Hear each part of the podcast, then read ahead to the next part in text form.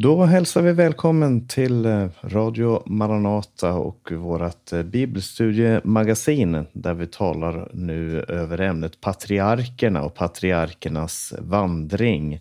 Eh, och med patriarkerna så menar vi Abraham, Isak, Jakob och Josef och hans bröder. Det är historien som du kan läsa i Första Mosebok från det tolfte kapitlet och till slutet av Första Mosebok. Och um, idag så ska vi ta oss an tre berättelser och tre kapitel, händelser i eh, Abrahams liv. Och det, är första, du finner texten i Första Mosebok 13, 14 och 15. Där det dels handlar om Abrahams ehm, eh, förhållande till sin brorson Lot och eh, till Melkisedek, prästen och senare också till sist eh, förbundet som han ingår med Herren. Och vi som ska samtala över det här och, och dela den här texten mellan oss, det är Hans Lindelöv och Berno Vedén som båda är i Sverige och jag, Paulus Eliasson, som befinner mig i Norge. Och vi ska börja med att eh, låta Berno få ta med oss in i Första Mosebok kapitel 13. Varsågod Berno. Ja, tack.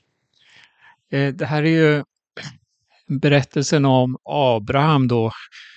Och eh, jag måste säga att det är väldigt inspirerande att läsa om honom och se hur, hur, hur han ja, eh, hade en sån förtrogen relation till Gud. Det står ju om att Gud uppenbarade sig för honom och det var ju orsaken till att han lämnade sitt land, sin släkt och så vidare. Men vi förstår också när vi läser att när han lämnade så och drog ut så var han inte ensam. Vi kan läsa om hur hans far följde med honom och så vidare. Och det står också om Lot, att han tog med sig Lot. Och sen när vi fortsätter läsa om Lot så ser vi hur han eh, följde med Abraham. Det var ju Abraham som fick kallelsen och Lot han fängslades helt säkert av den här kallelsen som Abraham berättade.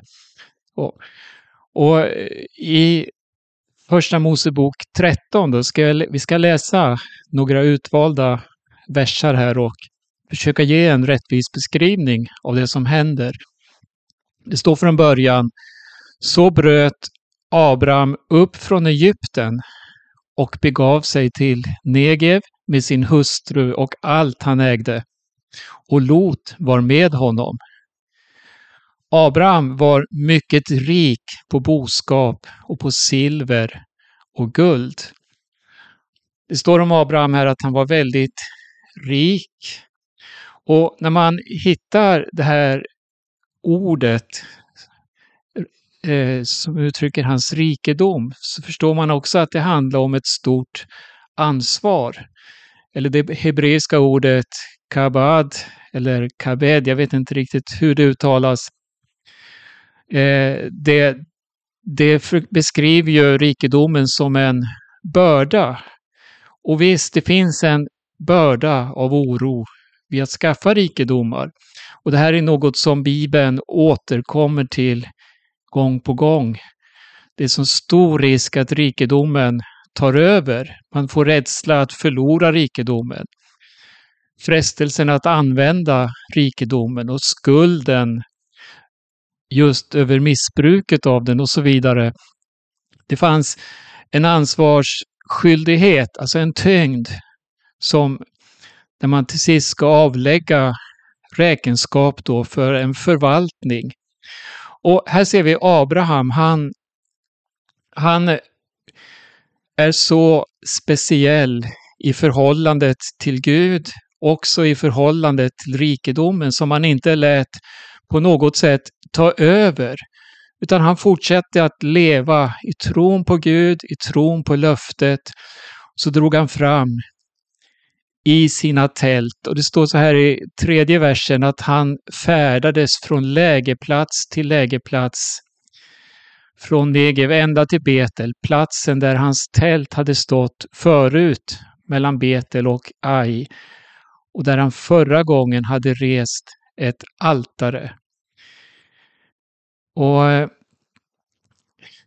det här kapitlet skildrar ju Abrahams förhållande till Lot och det står i femte versen så här. Lot som följde med Abraham, eller Abraham, hade också får och kor och tält och landet kunde inte livnära dem där de bodde i samma område.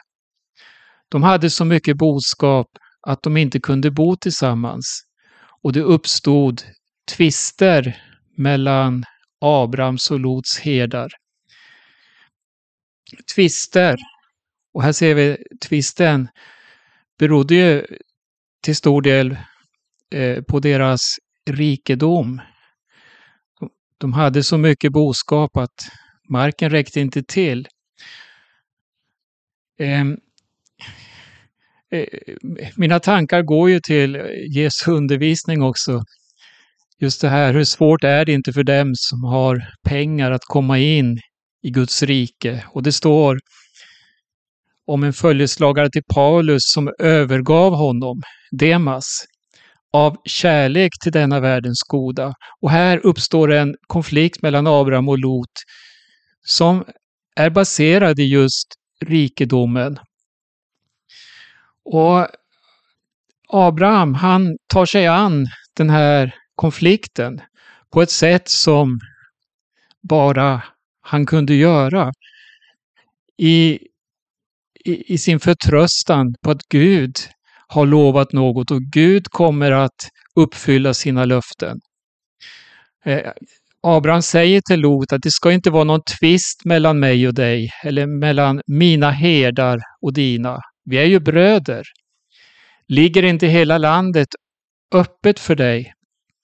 Skilj dig från mig. Vill du åt vänster så går jag åt höger. Vill du gå åt höger så går jag åt vänster. Alltså Abraham, han respekterade Lot ser vi. Han gav honom möjligheter att själv välja.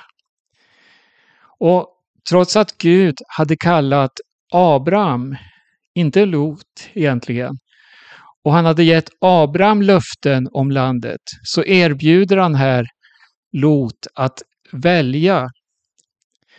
Och det är det här Abraham visste och han trodde att Gud han uppfyller sitt löfte. Eh, Lot, ja. Det står om Lot. Han följde med Abraham. Lot, han, det står ingenting om att Lot hade någon direkt uppenbarelse eller kallelse. Något som är väldigt viktigt för oss var och en. Vi kan inte leva på andras kallelser eller andras välsignelser, utan det är viktigt att ha en direkt relation till Gud. En direkt kallelse. Gud kommer ju till var och en. Men när man läser om Lot här, det står att han lyfte blicken och såg hela Jordanslätten som överallt var rik på vatten Innan Herren ödelade Sodom och Gomorra var den nämligen som en Herrens lustgård, som Egyptens land ända till Soar. Och Lot valde hela Jordanslätten åt sig själv. Ja, han lyfte blicken och såg Jordanslätten. Han lyfte inte blicken tillräckligt högt kanske. Han var förmodligen inspirerad av Abrahams beskrivning av Guds löfte. Jordanslätten var som en Herrens lustgård. Och så står det, han valde åt sig själv. Och så ser vi den här skilsmässan äga rum då. Det står i tolfte versen att Abraham, han bodde kvar i Kanans land och Lot bodde i städerna på slätten och drog med sina tält ända bort mot Sodom. Men Sodoms män var onda och stora syndare inför Herren. Abraham drog sig inte mot Sodom. Nej, Abraham han levde kvar i sina tält. Och, och nu kommer en vers här som jag tycker så tydligt visar på skillnader mellan Lot och Abraham. Lot läste vi, han lyfte blicken och såg det materiella. Det är möjligt att han i det här på något sätt eh, gestaltade de löften Abraham hade talat om och förväxlade. Jag vet inte. Men på något sätt såg han Jordanslätten och fängslades av allt det sköna han såg och lät sig dras med till, till, ner till Sodom. Men det står om Abraham så här eh, i vers 14. Herren sade till Abraham efter att Lot skilt sig från honom. Lyft din blick och se dig omkring. Alltså, här är det inte Abraham som lyfter blicken för att se skönheten, det materiella, utan Gud säger lyft din blick. Och så får han det här löftet till sig. Se dig omkring från den plats där du står mot norr och söder, öster och väster. Hela det land som du ser ska jag ge åt dig och dina efterkommande för evig tid. Och jag ska låta den bli som stoftet på jorden. Om någon kan räkna stoftet på jorden ska också dina efterkommande kunna räknas. Bryt upp och vandra omkring i landet i hela dess längd och bredd, för jag ska ge det åt dig. Och Abraham flyttade då sina tält och kom till Mamres terebintlund vid Hebron. Där bosatte han sig och byggde ett altare åt Herren. Ja, vi ser här skillnaden mellan Abraham och Lot. Men ändå så var ju Lot en nära familj till Abraham, hans brorson. Och man ser att Abraham hade samtidigt en väldig eh, omsorg. Han kanske var bekymrad för, över Lot. Och, men han gjorde det bästa av situationen och Lot fick göra sitt val. Och det får vi var och en göra. Abraham, han var fast i sin övertygelse. Det står ju om Abraham eh, också i Nya Testamentet, hur han trodde Gud. Han trodde Gud när allt såg hopplöst ut, när ingenting såg ut att kunna uppfyllas. Så han hade blicken fäst, inte på det jordiska, men på Guds löften. Och vi, vi kan säga att det handlar om att ha blicken fäst på det himmelska, på de eviga tingen och låta det få styra våra liv. Jag stannar där så länge.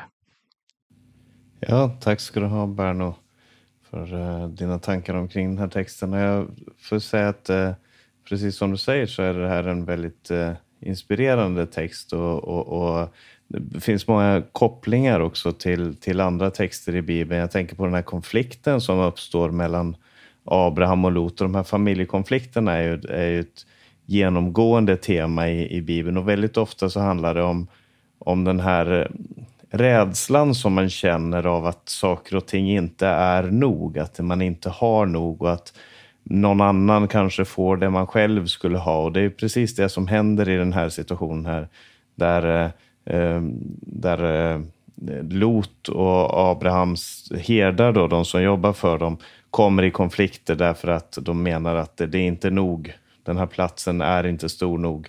Eh, och det som Kain och Abel, där Abel fick den välsignelsen som Kain tyckte att han skulle ha, eller som, eh, som senare eh, Jakob och Esau och, och många andra eh, situationer i, i Bibeln där det presenteras på det här sättet som, som eh, att konflikter även mellan de som borde älska varandra och hjälpa varandra uppstår vid en känsla av hot mot ens ambitioner. Och det kan vara ambitioner som är så enkla som ambitionen om att få överleva.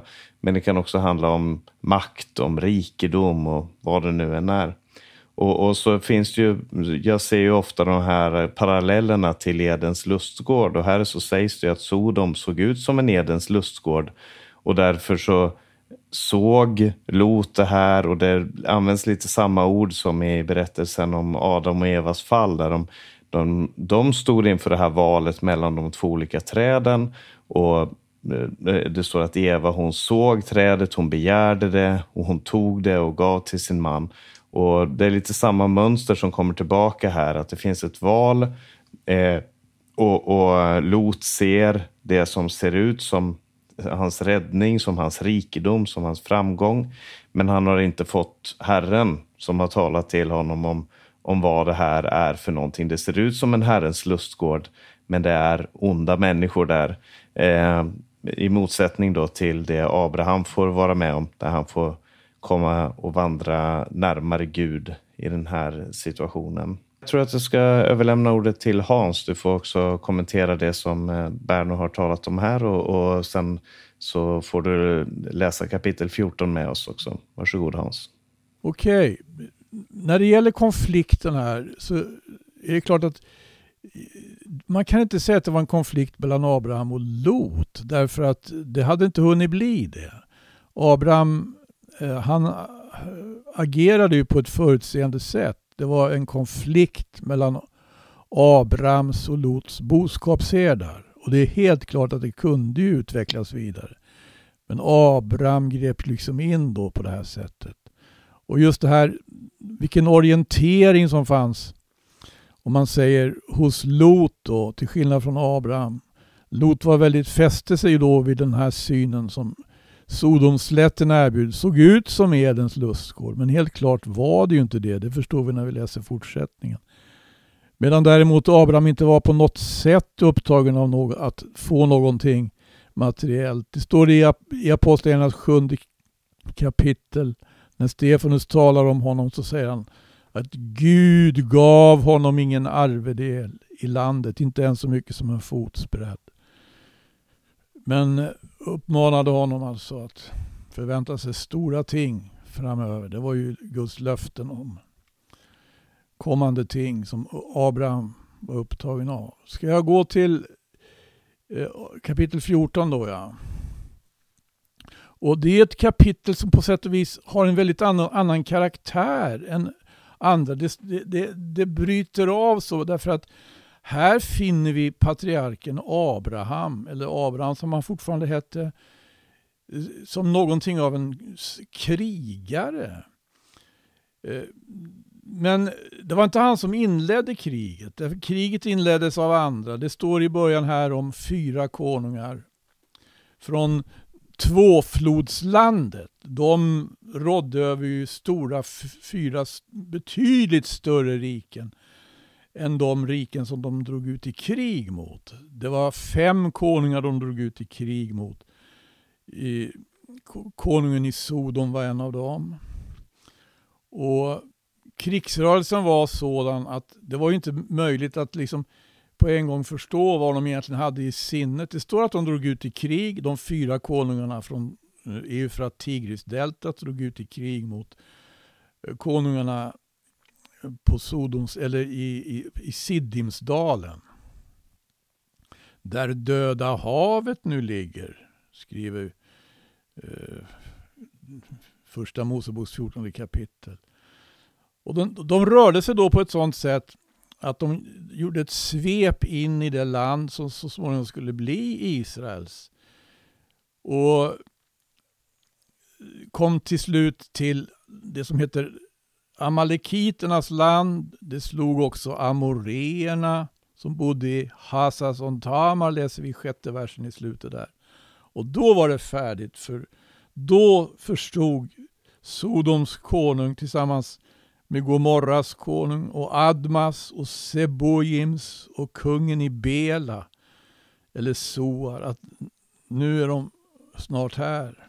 Och det blev strid i Siddimsdalen.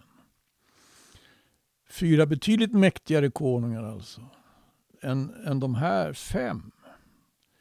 Hamnade i strid med varandra. Och det gick inte bra för de fem konungarna. Sodoms konung med flera. Och det står att de fick fly och då föll de i lergropar eller jordbäcksgropar.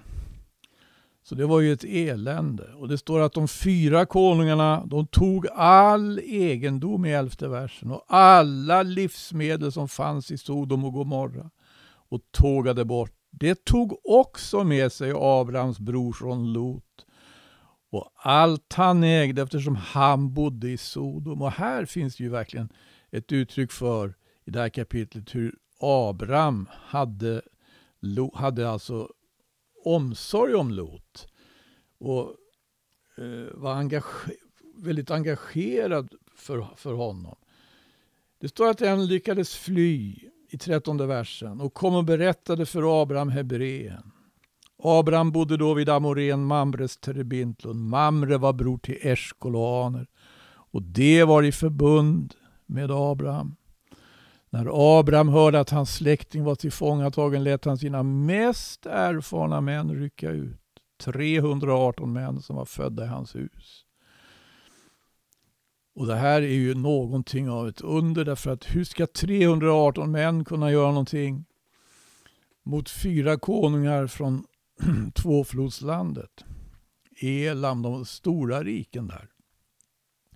Men Abraham och de 318 de förföljde fienden ända till Dan.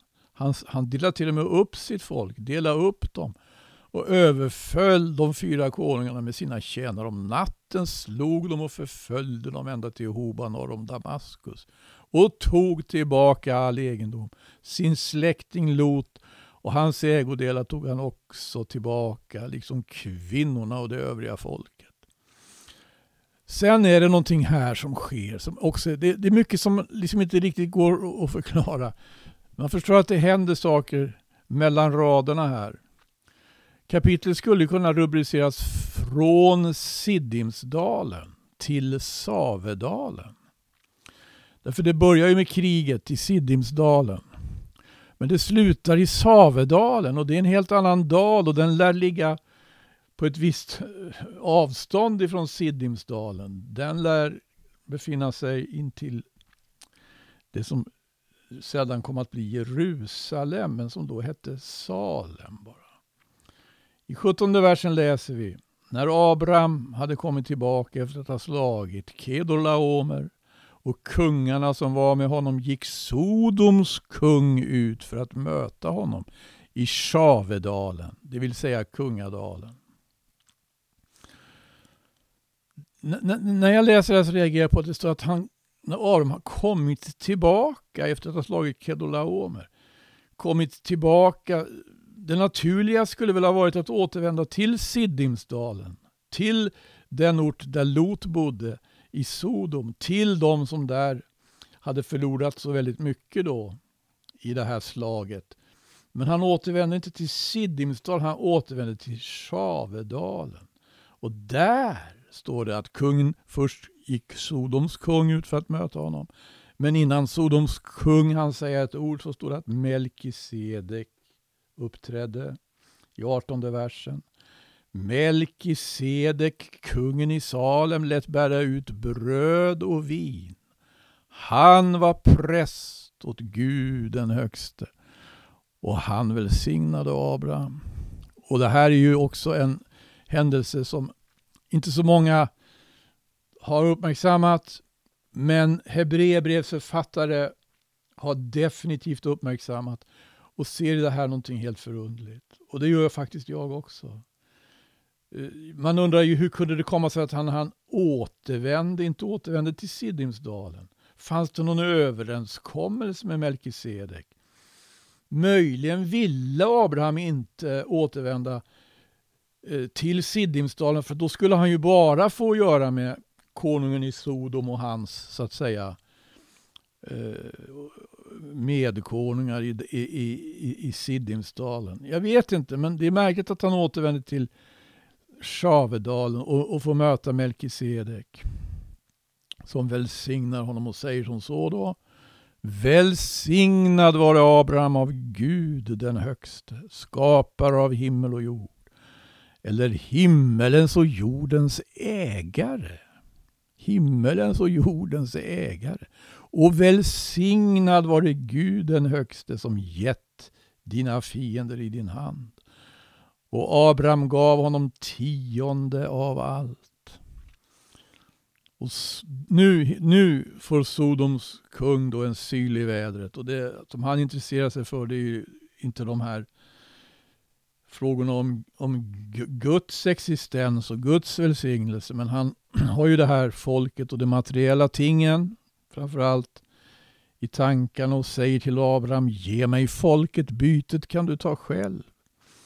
Men Abraham svarade Sodoms kung, jag lyfte min hand till Herren, till Gud den högste, skapare av himmel och jord. Jag vill inte ta ens en tråd eller en sandalrem eller något annat av det som är ditt. Du ska inte kunna säga jag har gjort Abraham rik. Jag vill inte ha något.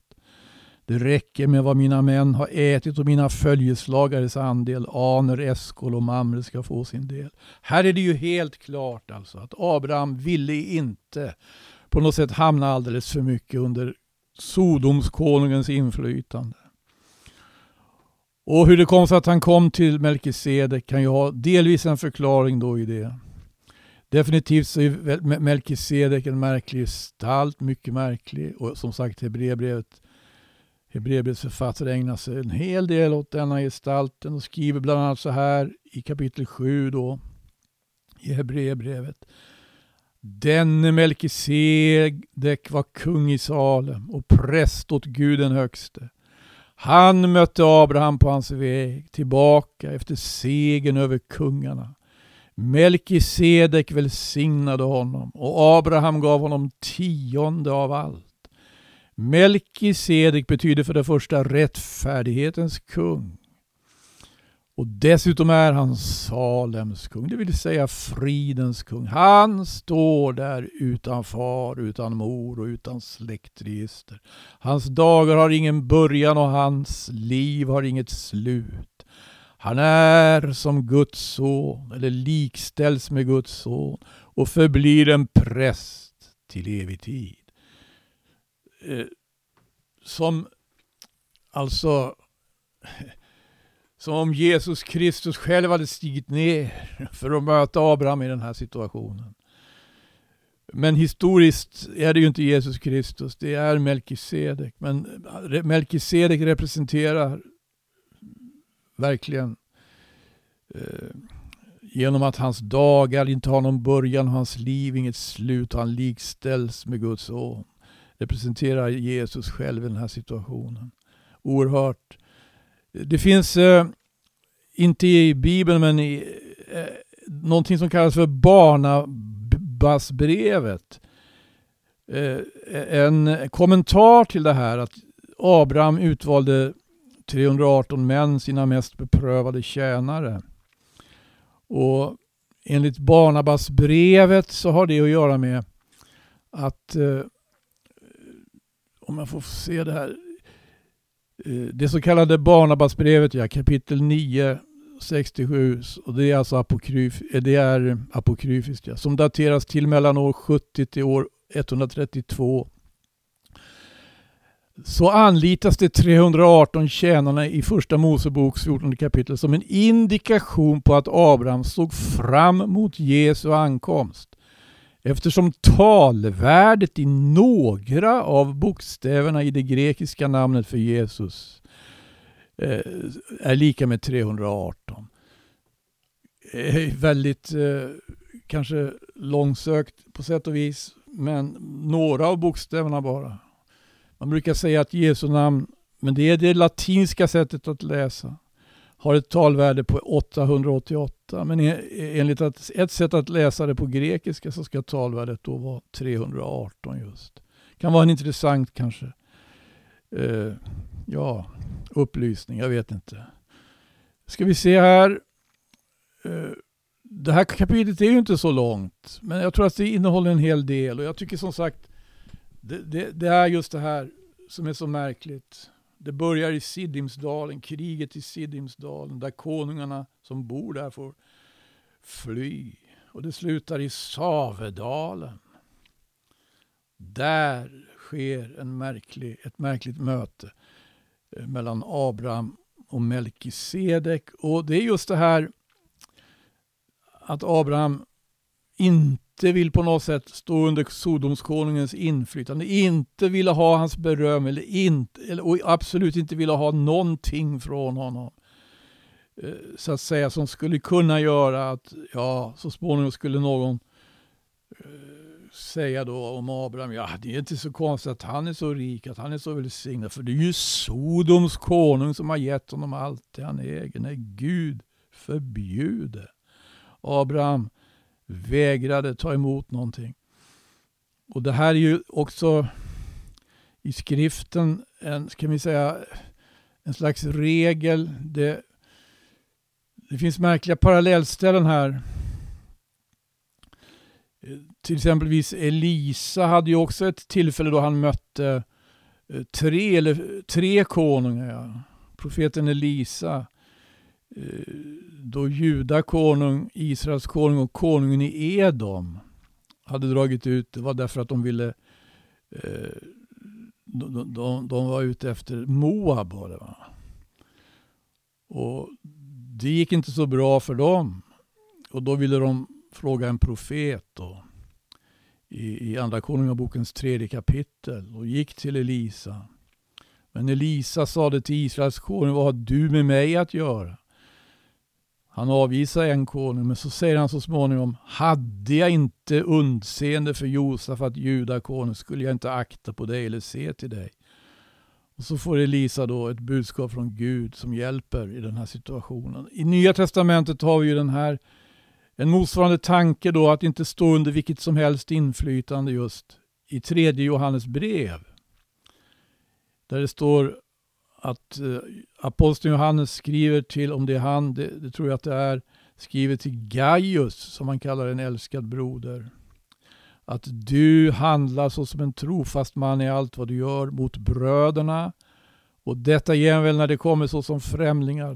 De har nu, dessa har nu inför församlingen vittnat om din kärlek. Och du gör väl om du på ett sätt som är värdigt Gud utrustar dem också för fortsättningen av deras resa. För hans namns skull har de dragit åstad utan att ha tagit emot något av hedningarna. Uttrycker också det här, alltså att eh, inte behöva, att, att, inte, att, att liksom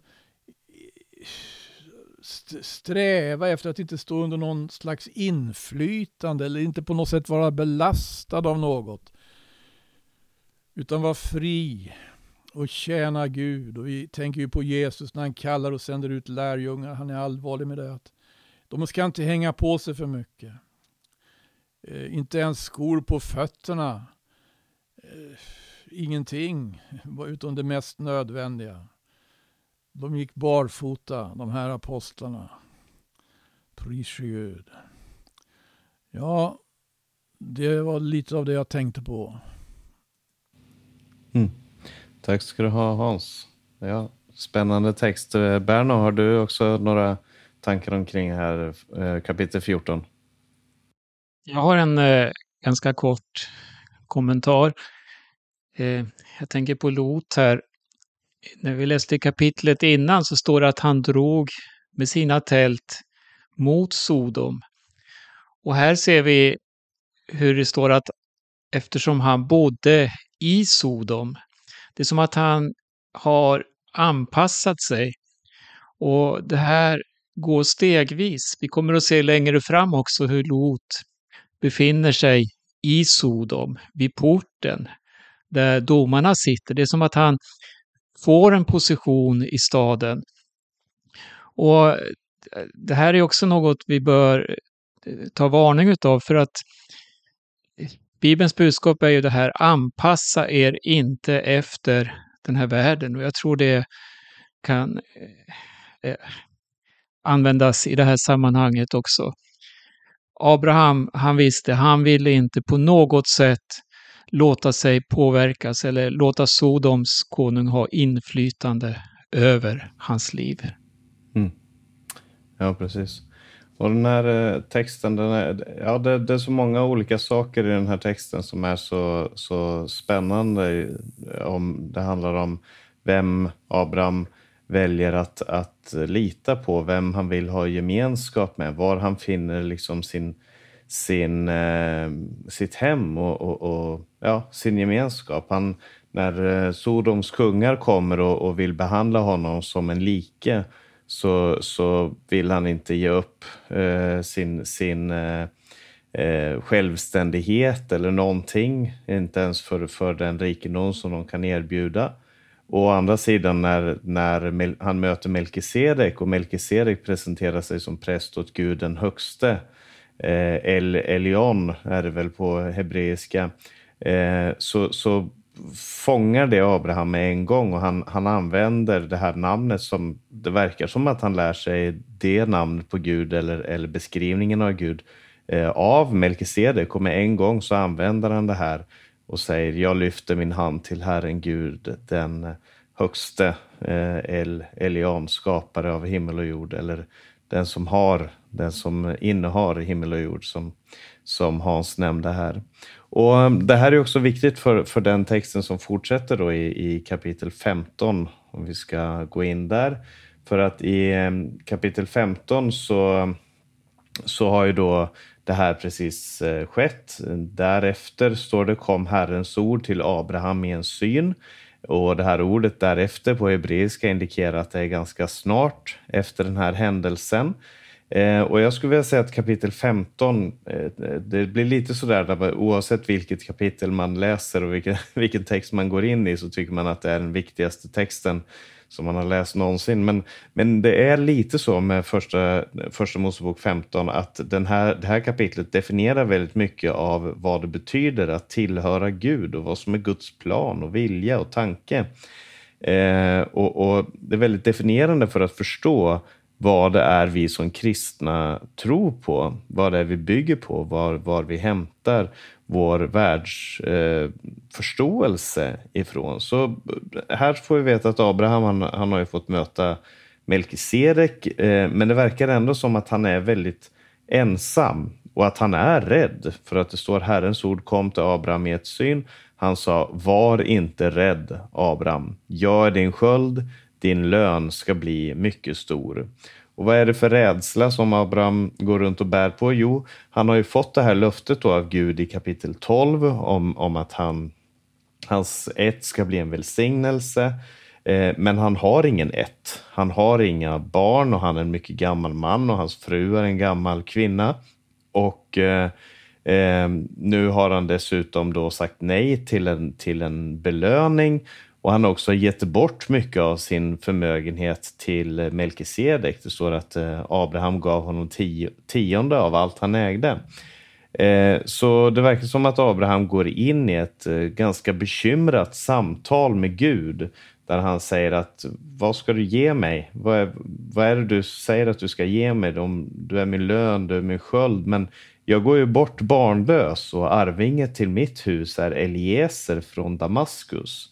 Och det här var ju ett vanligt skick på den här tiden att eh, om någon inte hade barn så kunde man adoptera någon som man, en tjänare, någon som man tog in som, som sin egen som, eh, eh, för att försäkra sig om att ens arv gick vidare om man inte om man inte hade någon arvinge och så var den här personen då den som skulle ärva eh, om, inte, om man inte fick något barn. Då. Och i det här tillfället så var det då Eliezer från Damaskus. Och, eh, eh, och han säger till Gud, du har inte gett mig någon avkomling. Och här kommer vi tillbaka till det här med känslan av att man inte har fått det man kanske tycker att man har krav på. att man har Alltså Lot och Abraham i den konflikten, där så var det den här rädslan för att man skulle förlora Eh, Eh, de här herdarna de var rädda för att de skulle, att de skulle förlora sin, sin makt, sin position, eh, det de behövde för att kunna föda sina får och så vidare. Här är Abraham bekymrad för att Gud håller tillbaka någonting av sitt löfte och i nästa kapitel kommer vi se hur han försöker lösa det här på, på sitt eget sätt. Men eh, det får bli nästa program om, om Herren dröjer. Men men eh, Herren ger honom ett löfte här. Han säger att det är en som kommer från din egen kropp som ska bli din arvinge. Eh, och så för han honom ut. Det här eh, utspelar sig tydligen på, på natten, det här samtalet. Och han säger se upp mot himlen och räkna stjärnorna om du kan räkna dem. Och han sa till honom så ska din avkomma bli. Eh, och, och så kommer den här otroligt, otroligt viktiga versen eh, Eh, när, Gud, när Abraham är i det här samtalet med Gud. Och så, och så säger han, eh, när, när Gud säger det här, se upp mot himlen, se stjärnorna, så ska din avkomma bli. Så, så eh, eh kommer vers 6 och så står det, och Abraham trodde på Herren och han, alltså Herren, räknade honom det till rättfärdighet. Här får han det tillräknat som rättfärdighet, Abraham. Just det att han väljer att lita på Gud. Eh, och Det här är en väldigt viktig vers för, för aposteln Paulus i, i Nya Testamentet framför allt, men flera av eh, Nya Testamentets författare använder det här och säger att Abrahams rättfärdighet den tillräknades därför att han litade på Guds löfte. Att han la sig i Guds hand helt enkelt. Och många människor är ju bekymrade för den här frågan. Hur ska jag kunna vara rättfärdig? Alltså hur ska jag kunna stå i ett rätt förhållande till Gud? Och, och vi, vi säger ofta det här nästan som en kliché att eh, rättfärdighet genom tro alena. Vi är rättfärdiggjorda genom tron och det är helt sant. Eh, men vad betyder det? Jo, det handlar om att, eh, att eh, det Gud önskar och det, det som gör att vi, att vi hamnar i ett rätt förhållande till Gud, det är att vi litar på honom, att vi ger oss själva till honom som ett fungerande förhållande i alla situationer är. Men mot Gud så ska det naturligtvis vara ett, ett förhållande byggt till 100 procent på det här, den här tron till honom. Tron att han är trofast och att han har resurserna som vi kan vara bekymrade för att vi inte får tag i. Eh, han, här sa han att du har inte gett mig någon arvinge. Men så ger Gud honom det här ordet och så vågar han att lita på Gud och det blir hans rättfärdighet. Eh, och så ger Gud det här löftet, men med en gång så, så eh, frågar eh, Abraham, hur ska jag veta allt det här? Han säger, eh, Gud säger först, jag är Herren som har fört dig ut från det kaldeiska ur för att ge dig detta land till arvedel. Och han svarade, Herregud, hur ska jag veta att jag kommer att ärva det? Alltså han ber om någon slags eh, säkerhet. Och här kommer ett väldigt spännande, en väldigt spännande text som kan vara svår att förstå därför att börjar med att säga att Gud säger åt Abraham att hämta en, en treårig kviga, en treårig get, en treårig bagge, en turturduva och en ung duva. Och alla de här eh, eh, djuren hämtar han och han styckar dem och lägger halvorna mot varandra, utom fåglarna, men alla de andra djuren delar han alltså på mitten och lägger dem mot varandra så att det blir som en allé mellan dem. Och Det låter ju otroligt märkligt för oss, men det var inte så märkligt på den här tiden. Eh, om man läser eh, Eh, hur det fungerade på, under den här tiden med förbund som man ingick, när man ingick pakter med varandra, så, så eh, så, så, beskrivs det ofta, både, både i Bibeln och, och, i andra källor som är samtida med Bibeln, så beskrivs det ofta som att man, det kunde handla om att man skrev ner villkoren för det här förbundet. Eh, man svor eder, står det ofta om i Bibeln. Man kunde sätta upp minnesstenar, nämns i Bibeln, vid olika paktstillfällen. Man offrade djur och man hade ofta också i förbindelse med det en måltid. Och det som var saken med, med det här med att man delade djur på mitten och gick mellan de djuren som det står om senare här, vi ska komma tillbaka till det.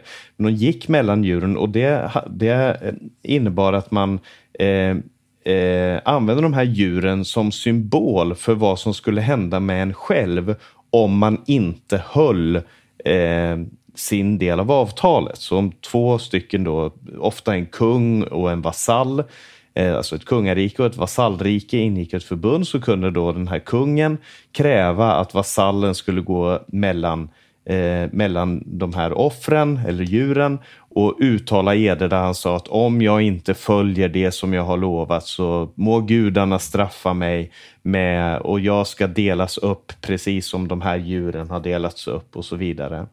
Ehm, så Abraham han förstod nog vad som skulle hända när Gud sa hämta de här djuren så förstår han intuitivt vad det är som ska hända. Och, eh, men sen så tar det sin tid och Abraham han, han eh, befinner sig i någon slags drömlikt tillstånd. Det står här att eh, när solen höll på att gå ner föll en tung sömn över Abraham.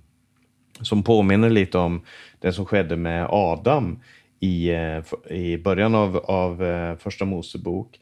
Men så kommer en stor skräck över honom, ett stort mörker.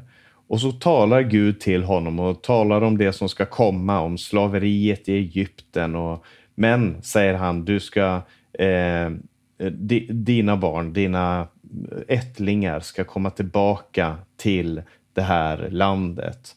Och Gud talar om det som ska ske i framtiden. Och så kommer vers 17, så står det, när solen hade gått ner och det blivit alldeles mörkt syntes en rykande ugn med en brinnande fackla som gick fram mellan köttstyckena. Och vad är det här för någonting? Eh, på den dagen står det slöt Herren ett förbund med Abraham och sa åt dina efterkommare ska jag ge detta land. Och Eh, det är en eld helt enkelt som går mellan offren. Och om man läser hela Bibeln så förstår man att elden väldigt ofta representerar Guds närvaro. Du har det på många, många platser, inte minst i tabernaklet, där det står om en, om en eh, pelare av moln på dagen och en pelare av eld om natten som förde an folket och som, som representerade Guds närvaro på den platsen. I Salomos tempel var det samma sak eh, och på många olika platser i Bibeln kan du läsa om hur Herren uppenbarar sig som i en eld. Men, men eh, så, så det är Herren själv som går eh, genom mellan de här offren. Abraham går faktiskt inte själv där, vilket är väldigt märkligt för man tycker att ja, men om Gud nu har bestämt det här eh, vill ingå ett förbund. Det är Gud som är den dominerande parten. Då är det Abraham som borde gå där och säga att jag ska hålla min del av pakten. Jag ska göra det som jag har lovat Gud. Eh, men faktum är att han har inte lovat Gud någonting, utan det är Gud som ger honom ett löfte. Det är Gud som, som eh, talar. Och, och, vanligtvis så bestod då de här förbunden av att man gick mellan offren och så sa man om du gör gott mot mig så ska jag göra gott mot dig. Om du gör ont mot mig ska jag göra ont mot dig. Men i det här förbundet så bygger det enbart på Guds suveränitet. Och i en situation där, där Abraham varken hade land eller arvinge så talar Gud om ett land och en oändligt stor avkomma som ska komma ifrån honom. Och så, men det är intressant det här, för jag tror att det här är själva evangelium som vi möter i den här texten. Därför att som sagt, Gud är den enda som går mellan, eh, mellan offren, mellan de här styckade djuren. Så Gud står egentligen på båda sidorna. Han kommer att försäkra, inte bara om att han själv är rättfärdig och gör det som är rätt, vilket är ett stort tema i Nya Testamentet där det talas om Guds rättfärdighet uppenbarad i Jesus Kristus. Alltså, om man kan tycka att Gud hade felat i sitt uppdrag så säger Nya Testamentets författare, det gjorde han inte. I Jesus så uppfyllde han det som han hade lovat. Gud är rättfärdig. Det han lovade till Abraham, det har han hållit. Men inte bara det, utan Gud tar på sig också den andra sidan. Alltså om Abraham felar så ska ju han då straffas. Men det straffet, förebildligt här så säger Gud att det straffet, det kommer jag också bära. Alltså om jag felar så står jag som orättfärdig, vilket Gud aldrig kan göra och aldrig kommer göra. Men om människan felar så kommer Gud bära straffet av det också. Och det kan ju låta otroligt märkligt och det måste ha varit väldigt märkligt för Abraham att stå och se att Guds härlighet går fram och tillbaka mellan, mellan de här offren medan han själv bara står och ser på. Han trodde Gud och det var det som räknades som hans rättfärdighet. Inte hans löften, inte hans prestationer, inte vad han klarade själv. Utan Gud går där och så, och så är det här, jag ska ge dig det här. Och, men vad händer om jag felar? Vad händer om, om Abraham gör fel? Vad händer om Isak gör fel? Jakob, hans söner och så vidare. Jo, det kommer Gud också lösa. Straffet för det kommer Gud också ta på sig. Och det är det vi ser i Jesus Kristus, att Gud bär straffet för människans synd. För det som vi felade i förbundet med Abraham, det bär Gud i sig själv. Eh, och, och då, då, Jesus dör för våra synder.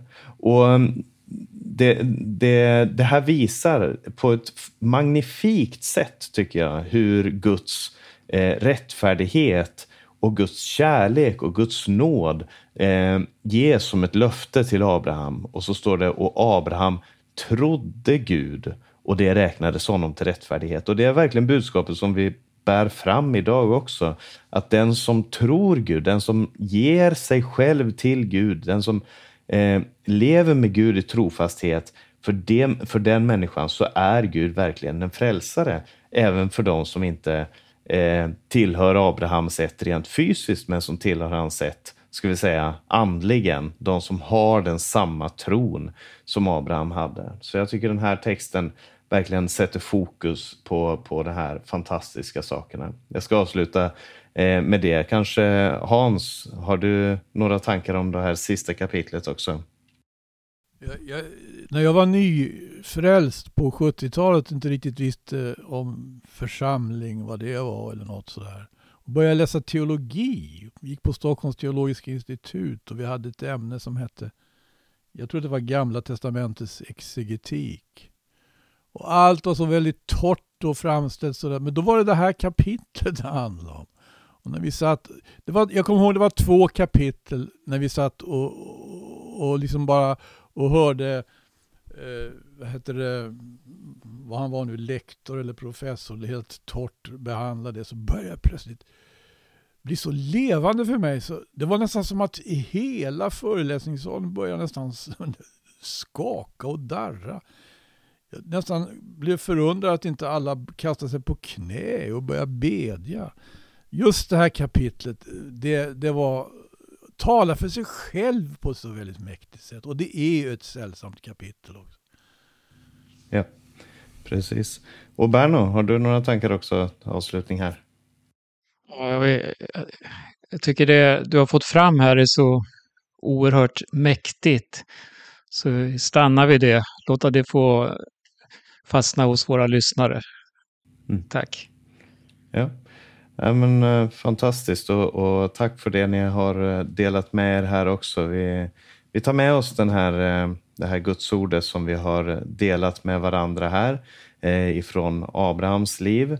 Eh, nästa gång så, så kommer vi komma in på det. det. det. är lite intressant också, ska säga det med Abrahams liv, och, eller Abraham och Saras liv, att de verkligen representerar det som så många gånger är människans erfarenhet, att man går från de här fantastiska troshandlingarna som sker i det här kapitlet till felande och, och misslyckande som kommer ske i, i, nästa kapitel i stor del, där det handlar om, om hur de behandlar en eh, främling. I ett tidigare kapitel, tidigare kapitel så har vi läst om, förra gången så läste vi om när Abraham och, Abraham och Sarai var flyktingar i eh, Egypten och nu nästa kapitel kommer handla om hur eh, Abraham och Sarai eh, behandlar en egyptisk främling.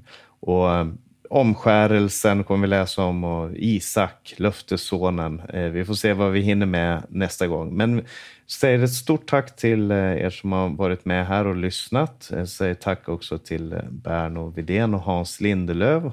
Själv heter jag Paulus Eliasson. Det är vi som har samtalat den här, det här programmet och vi säger Guds, önskar er Guds rika välsignelse och på återhörande.